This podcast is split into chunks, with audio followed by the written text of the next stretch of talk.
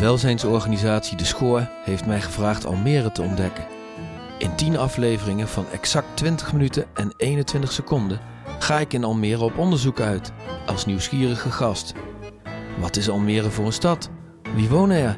Hoe gaat het eraan toe in de wijken? En welke grote thema's spelen er? Mijn naam is Ilko Visser en ik ben in Almere. Dit is aflevering 4, Alleen en Samen in Almere. Nou, welkom bij eh, editie 4 van In Almere. Vandaag na de vakantie, lekker weer. En dat was in de vakantie wel eens anders, zullen we maar zeggen, eh, richting Almere. En het thema vandaag is een mooi thema, alleen en samen, want dat gaat ook over eenzaamheid. En hoe je daar samen iets aan kunt doen. Dus eigenlijk wat je samen kunt doen om ongewenst alleen zijn te voorkomen. Eh, Waarbij eenzaamheid voor mij geen ziektebeeld is. Of iets wat je met taskforces, multidisciplinaire werkgroepen en kenniscentra hoeft aan te pakken. Eenzaamheid is volgens mij heel klein. Dat is een buurman of een buurvrouw, een vriend of een vriendin, een familielid. Of iemand met wie je eerder in een sportteam zat of in een band speelde, die om een of andere reden uit verbinding is geraakt. En die redenen kunnen legio zijn: het verlies van een naaste, het verlies van werk, psychische problemen, onverwerkt verdriet, een verhuizing of zelfs iets waar we al anderhalf jaar mee van doen hebben, een pandemie. Moet je dan eenzaamheid bestrijden of moet je een context creëren waarbinnen een persoon zichzelf weer met een ander kan verbinden? Als je het eerste doet, dan kan de oplossing namelijk in een medisch kader worden gezocht, door professionele ondersteuning en medicatie. En in het tweede geval bestrijd je eenzaamheid door te verbinden. Dan zoek je het binnen een sociaal kader. Je werkt aan een situatie waarin mensen weer in staat zijn zelf mee te doen op een manier die hen zelf past. Maar wat ik vind is natuurlijk allemaal niet zo belangrijk. Wat veel belangrijker is, is hoe daar in Almere tegenaan wordt gekeken. En dat ga ik vandaag onderzoeken. Hoe wordt er samengewerkt? Op het snijvlak van zorg en welzijn, maar ook binnen de schoor en met bewoners. Wat zijn nou mooie voorbeelden? Vandaag ga ik op zoek naar antwoorden op deze en andere vragen in Almere.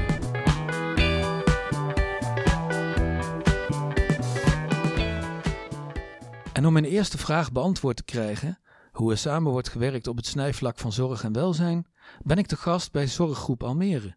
En zit ik aan tafel met Veronique Bekendam, directeur huisartsenzorg, en Maaike Vriesema, welzijnscoach voor welzijn op recept bij de Schoor. Welkom. Dankjewel. Dankjewel. Veronique, eigenlijk de allereerste vraag. Hoe en waar vinden welzijn en zorg elkaar eigenlijk in Almere?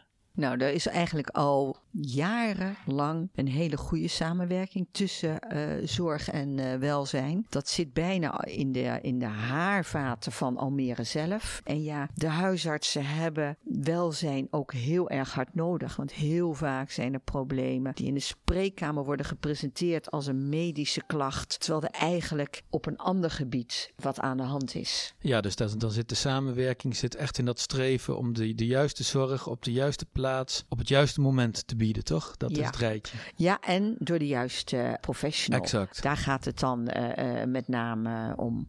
Nou, Maaike, volgens mij is een mooi voorbeeld uh, welzijn op recept. Daar ben jij uh, voor actief. Uh, kun je eens wat vertellen over welzijn op recept? Ja, welzijn op recept staat eigenlijk dat huisartsen en andere zorgprofessionals in gezondheidscentra kunnen doorverwijzen naar een welzijnscoach. En dat is eigenlijk zoals Veronique al benoemde, op het moment dat er meerdere of andere dingen spelen dan waar mensen medische hulp voor nodig hebben, kunnen ze doorverwijzen naar welzijn. Vaak is het zo dat als mensen uh, socialer worden, actiever, dat het heel veel impact heeft op hun gezondheid. En daarmee kun je dus klachten verminderen ja. of uh, zelfs helemaal wegnemen. Ik uh, moet denken aan een dame in de tachtig. Die is uh, net voor de corona is, in Almere komen wonen om dichter bij haar kinderen te komen wonen. En ze werd naar mij doorverwezen omdat zij toch wel fysieke klachten en ook wel mentale klachten had. Ik kwam daar op huisbezoek en ik merkte ook, haar wereld is heel klein. De stap voor haar om Almere, om daar nou ja, haar plek te vinden is heel groot. Dus ik ben twee keer met haar naar het buurtcentrum gelopen, heb haar opgehaald. Daar vond ze een buurvrouw uit, verder uit de straat. Nou, de koppeling was snel gemaakt uh, bij buurvrouw op de koffie en de volgende keer samen naar het buurtcentrum. En daarin zie je dat heel snel geschakeld kan worden en dat er heel veel mogelijk is. Ik ben letterlijk met haar fysiek de straat en de wereld groter gaan maken, de drempel overgegaan. En uh, ja, haar wereld is nu zoveel groter geworden. Dus ja, dat vind ik een heel mooi voorbeeld van hoe je hè, van alleen naar samen kunt gaan. en uh, hoe iemands uh, wereld groter kan worden. Het welzijn wordt verhoogd en dat heeft een enorme impact op alle leefgebieden ja. hè, voor mensen. Dus dat is niet alleen gezondheid, maar dat is ook, heeft effect op relaties. Het heeft effect op hoe je in het leven staat in de samenleving. Dat verspreidt zich enorm. de impact is heel groot. Ja, ik wil nog wel toevoegen, ik ben het helemaal met je eens, Maaike, dat de medische klacht, bijvoorbeeld hoofdpijn, is eerder een symptoom van iets wat eronder ligt. Dan kan je natuurlijk wel die hoofdpijn met pillen gaan bestrijden, maar dan blijf je dat jarenlang houden. Terwijl we natuurlijk veel beter, en daar worden ook de huisartsen op getraind, kijken van wat is de daadwerkelijke oorzaak. En dan blijkt best wel vaak dat dat op een ander domein ligt. Of eenzaamheid, of schulden, of relatieproblemen. En dan is het natuurlijk heel goed dat we door kunnen sturen naar mensen die daar veel meer verstand van hebben. Om die soorten problemen op te pakken. En dan verwijzen we graag naar welzijn. De insteek is echt bij de huisartsen van wie kan uh, mijn cliënt, patiënt het beste helpen. En dat is met, als je het over schulden hebt, dan, dan moet je naar schuldhulpverlening. En dat je daar iedere dag pijn van in je buik hebt en niet door kan slapen. Ja, precies. Dat, dat kan een huisarts dan wel gaan, medisch gaan uh, behandelen. Maar dat is niet de weg die je met elkaar moet, moet uh, opgaan. En volgens mij is dat het tweede mooie voorbeeld, hè? de financiën in de spreekkamer. Maaike, is, kun je daar nog eens wat over vertellen? Ja, er is een pilot geweest, een samenwerking tussen de schoor en zorggroep. Project Financiën in de Spreekkamer, waarbij ook weer het doorverwijzen laagdrempeliger wordt gemaakt. En waar ook uh, huisartsen getraind werden in het bespreken van schulden. Je ziet toch dat voor mensen vaak iets wat zo'n grote impact heeft op hun leven en waardoor ze fysieke, psychische klachten krijgen, maar de stap om hulp te zoeken heel groot is. In dit project kwam uh, dus samen dat de stap kleiner wordt gemaakt uh, werd direct doorverwezen door de huisartsen via de mail naar een speciaal mailadres van de schoor. En mensen werden dan binnen twee dagen werden ze gebeld. Er werd gekeken naar van wat speelt er. En soms was daarmee al het gesprek gevoerd en werden dingen inzichtelijk gemaakt. En nou ja, eigenlijk al heel veel oplossing geboden. En soms moest er meer gebeuren, waardoor de stap voor hulp voor mensen veel kleiner werd gemaakt. Nou, Veronique, nou, een, heleboel gaat dus al goed en, en loopt in de samenwerking. Maar er is natuurlijk altijd, zijn er nog verbeterpunten of, of punten waarop je elkaar nog meer zou kunnen vinden? Ik denk uh, meer, niet zozeer nu direct een verbeterpunt, maar wel een kans die we opgaan met de huisarts. En ik hoop nadrukkelijk dat ook eigenlijk welzijn denkt misschien al zo dat wij veel meer het begrippenkader van positieve gezondheid ja. uh, willen gaan uh, gebruiken. Wij hebben als uh, huisartsen in Almere ook echt de ambitie om al onze huisartsen en praktijkverpleegkundige POH's en doktersassistenten erop te gaan trainen dat de aandacht meer afgaat van wat ze niet kunnen, van de ziekte, maar van wat kan je wel. En wat, wat ga je daar ook zelf dan aan doen? En dat sluit denk ik ook heel goed aan met hoe welzijn, denk ik, uh, de mensen benadert. Dus dat is iets waarvan ik hoop dat we de komende jaren elkaar echt goed gaan vinden. En nog door ook eenzelfde begrippenkader te hanteren, uh, ook de samenwerking kunnen uh, verbeteren. Uh, wat er nog zou kunnen verbeteren is wel dat wij met het sociale wijkteam nog wat kortere lijnen krijgen. Het is mensenwerk. En als je elkaar eh, tegenkomt in hetzelfde gebouw, met elkaar een kopje koffie drinkt, ja, dan gaat die samenwerking. Dat, dat is toch smeerolie. Ja, daar kan ik me helemaal bij aansluiten. Ik zie ook echt dat het enorm drempelverlagend werkt als de zorgprofessionals weten van, oh, dat is die. En daar verwijs ik naar door. En daar krijg ik altijd een terugkoppeling van. Die korte lijnen, dat is echt, uh, ja, ik krijg er ook heel veel energie van. Uh, dan, dat je echt goed uh, kunt samenwerken en grote stappen kunt zetten. Het is fijn als je ook uh, fysiek aanwezig bent in het gezondheidscentrum en elkaar weet te vinden. Maar uh, we gaan ook een digitaal communicatieplatform in de lucht uh, brengen. Waarbij je dan ook, zonder dat je in het gezondheidscentrum aanwezig hoeft te zijn, elkaar ja. laagdrempelig gewoon digitaal kan vinden. En dan eigenlijk kan chatten om, om de afstemming en de samenwerking goed te laten verlopen. Nou, dus er gaat al heel veel goed en er is voor de toekomst nog een boel te winnen. Absoluut, ja, absoluut. Zeker. Ja.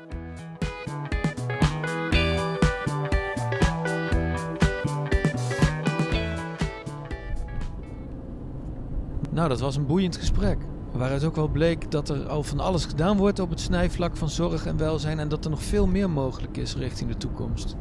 Ik zit nu weer in de auto op weg naar de schoor, waar ik hopelijk het antwoord op mijn tweede vraag kan vinden, namelijk hoe er samen wordt gewerkt binnen de schoor op dit thema. Daarvoor ga ik zo meteen in gesprek met sociaal-cultureel werker Vanessa Steenbergen, die ook nog eens trainer-coach is in omgaan met eenzaamheid, en met jongerenwerker Latrell Seda.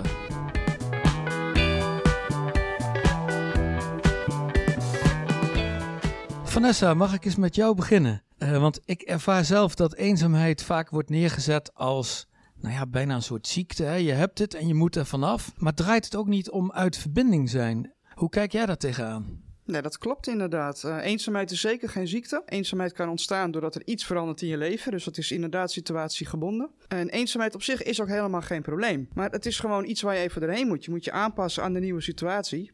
En heel veel mensen kunnen dat ook. Heel veel mensen lukt dat om daar gewoon doorheen te komen. En als het niet lukt, ja, dan kan het een probleem gaan worden. Ja, en, en hoe werk jij aan het voorkomen dat dat gebeurt? Nou, ik ben betrokken bij uh, verschillende ontmoetingsactiviteiten uh, in de buurt. Dus denk bijvoorbeeld ook aan de buurtkamers. Dus in ieder geval plekken waar mensen samen kunnen komen, elkaar kunnen ontmoeten, hun netwerk kunnen vergroten. Ja, en verder heb ik een aantal projecten lopen die echt gericht zijn op langdurige eenzaamheid. Dus wanneer mensen zich al heel lang eenzaam voelen, daar ook niet meer zelf uitkomen. Je kunt niet meer in oplossingen denken als je te lang uh, in die stress zit van de eenzaamheid. Latrelke, ja. hoe, hoe ziet eenzaamheid onder jongeren eruit? Ja, het kan eigenlijk op verschillende manieren. Hè. Je hebt jongeren die, die je al bij je binnen hebt, waarvan je merkt van hè, er gaat misschien iets niet zo goed in in, uh, in de thuissituatie, school, werk, noem maar op. En dan kan het zo zijn dat je daardoor met jongeren in gesprek gaat en dan vertellen ze van hè, dit, dit speelt er op het gebied van eenzaamheid. Het kan ook zijn dat we door, door een netwerkpartner, dat een jongere wordt toegeleid naar het jongerenwerk met een bepaald verhaal. En gaan wij daarmee aan de slag. Ook op het gebied van het online domein. Dat, zetten wij ook in om te kijken van hey, wat speelt er in de doelgroep. Het kan een hele simpele vraag zijn van voel jij je wel eens eenzaam? En dan kunnen jongeren met ons in gesprek gaan. En uh, het begint misschien op Instagram, maar uiteindelijk probeer je, probeer je die jongeren toch naar onze eigen activiteit toe te trekken en daar het gesprek verder te voeren. Ja, merk je nou nog dat door corona echt iets veranderd is? In de, misschien de mate van eenzaamheid of in de manier waarop jullie werken met jongeren rondom eenzaamheid? Je merkte vooral in het begin was dit nieuw. Hè? Uh, heel veel dingen werden gesloten, uh, school werd minder. En zelf voor, mij, voor mijzelf was het ook even zoeken van hè, wat is dit nou? Ik ben dit niet gewend. Het was even zoeken en sturen van hè, hoe kunnen we nu het beste de doelgroep bereiken? Wat heeft de doelgroep nodig? Ja. Vanessa, aan het eind van deze maand is de week tegen eenzaamheid. Kun je eens vertellen wat er allemaal gaat gebeuren? Ieder jaar is er een, een, week tegen eenzaamheid. En dat is met name bedoeld om wat meer aandacht te vragen voor het thema eenzaamheid. We gaan de straat op, we gaan mensen aanspreken van... Goh, bent u bekend met het thema eenzaamheid? Heeft u zelf misschien mee te maken? Kent u iemand? En vooral heel veel andere activiteiten, ontmoetingsactiviteiten, eetactiviteiten. Een kaartje sturen naar vrijwilligers en naar deelnemers van activiteiten. Dus het kan heel klein zijn, maar in ieder geval bewustwording en aandacht vragen voor. En werken jullie daar binnen de school ook nog in samen? Nou, een mooi voorbeeld is bijvoorbeeld een, een pilot waar ik bij betrokken ben in de Filmwijk. Uh, daar is echt iedereen van, uh, nou ja, van jong tot oud bij betrokken. Uh, het, het is mensen vanuit basisonderwijs, meerdere scholen, uh, vanuit voortgezet onderwijs, het ouderenwerk zijn mee bezig. Maar ook de gezondheidszorg. Hè. Dus, ik heb bijvoorbeeld een training gegeven aan het hele gezondheidscentrum daar. En die weten nu ook veel beter door te verwijzen naar het wijkteam. het wijkteam die weet nu ook wat ze moeten doen met vragen rondom eenzaamheid. En um, dus er wordt veel beter uh, gesignaleerd, maar ook veel beter doorverwezen naar de juiste plek. Het is echt voor alle leeftijden. De focus ligt vooral op ouderen uh, en nu ook op jongeren. En uh, als je kijkt naar de cijfers bijvoorbeeld, dan zijn jongeren en jongvolwassenen echt nou ja, veruit de hoogste die daarop scoren. vooral wat betreft structurele eenzaamheid. Latraal, welke boodschap zou jij jongeren mee willen geven die zichzelf eenzaam voelen? Je staat er niet alleen voor. Binnen het jongerenwerk hebben we de Smash Lounge opgezet door een jongere die ook uit die situatie komt op het gebied van eenzaamheid. Het is een ontmoetingsplek, iedere dinsdagavond van 6 tot 9 in het jongerencentrum Trappentof. Zoals ik al zei, spelen jongeren een spel op de Nintendo Switch. Het heet de, Sma Super Smash Bros.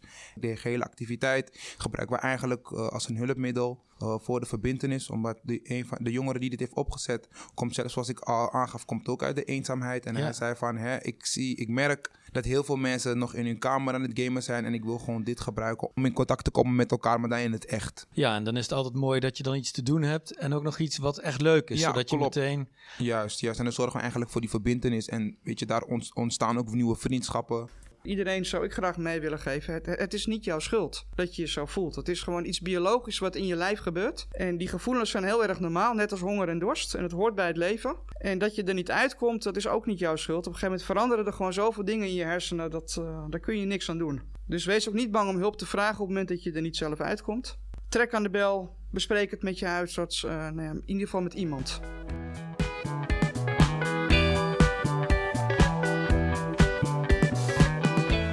Nou, inmiddels ben ik veel meer te weten gekomen over hoe de schoor samen met partners werkt aan samen. Aan niet alleen. En ook hoe collega's binnen de schoor er samen aan werken. Nu wil ik nog weten hoe inwoners in stelling worden gebracht om zelf met initiatieven aan de slag te gaan en elkaar daarin te vinden. En met wie kan ik dan beter spreken dan met Monique Nijp, de coördinator van het initiatievenbureau. Ik heb haar aan de telefoon, waardoor de geluidskwaliteit iets minder is dan in de andere gesprekken. Uh, Monique, goedemiddag. Goedemiddag. Uh, Monique, een initiatievenbureau. Kun je daar eens kort wat over uitleggen? Wat, wat is een initiatievenbureau? Het uh, initiatievenbureau is een uh, overkoepelend voor alle buurtcentra van de Schoor in Almere. En daar kunnen sociaal beheerders die in de buurtcentra werken, kunnen mij benaderen als ze dingen geregeld willen hebben. Maar ook bewoners en bedrijven die iets willen in Almere. Dus het is super breed en ik ben echt een uh, verbindende factor tussen bewoners, beheerders, bedrijven en de schoor. Ja, en, en uh, kun je eens een laatste voorbeeld uh, opdiepen, zeg maar, waarin bewoners jou rechtstreeks benaderd hebben? Waar gaat het dan zoal over? Nou, wat misschien nu een mooi voorbeeld is, binnenkort is het Burendag. En met Burendag wordt er natuurlijk ontzettend veel gedaan in de wijken. Ik word dan bijvoorbeeld uh, gebeld van: Oh, ik heb een leuk idee. Ik wil graag wat meer met uh, de buurt doen. Ik wil ze leren kennen. Dat we inderdaad niet alleen zijn, maar dat we het samen doen. Hoe kunnen we dat inderdaad opzetten? Wij uh, krijgen initiatieven binnen van mensen die het eigenlijk al helemaal hebben uitgeschreven en alleen een locatie nog zoeken. Maar we hebben ook initiatieven van mensen die denken van: Ik wil dit graag starten. Bijvoorbeeld iemand die wil heel graag een gebarencafé starten. Uh, die zoiets heeft, kan je me daar alsjeblieft bij helpen? Ik heb geen locatie, maar ik heb eigenlijk ook nog niet voldoende dove mensen om het op te starten.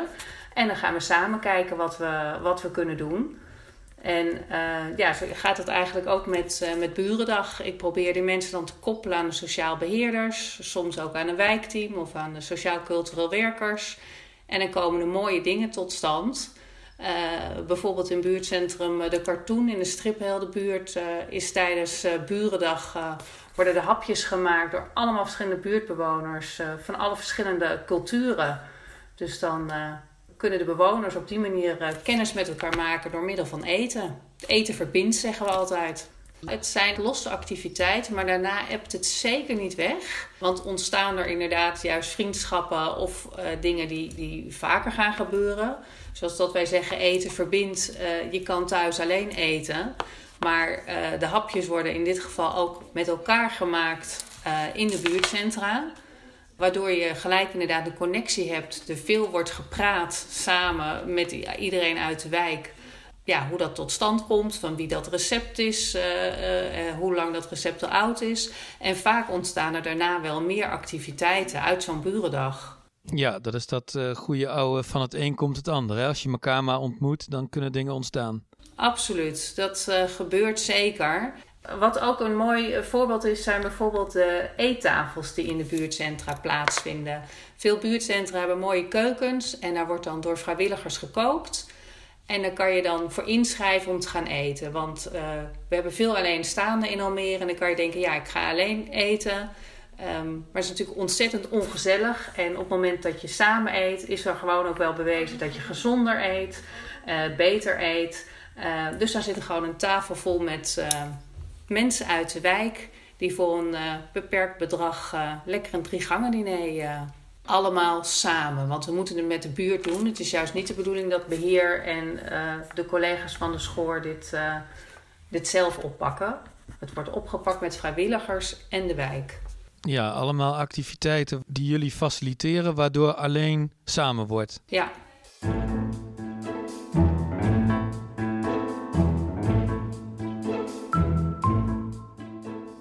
Luisterde naar In Almere, een podcast van welzijnsorganisatie De Schoor. Presentatie en montage Ilko Visser. Redactie Vianne Huytema, Eva Overbeek en Gerard Boekhoff. Vond je dit een leuke podcast? Abonneer je dan via je favoriete podcast-app, dan hoef je geen uitzending te missen. Wil je feedback delen? We zijn heel benieuwd. Stuur dan een mail naar prapenstaatjedeschoor.nl. En wil je meer weten over het werk van de Schoor? Surf dan naar www.deschoor.nl. Bedankt voor het luisteren.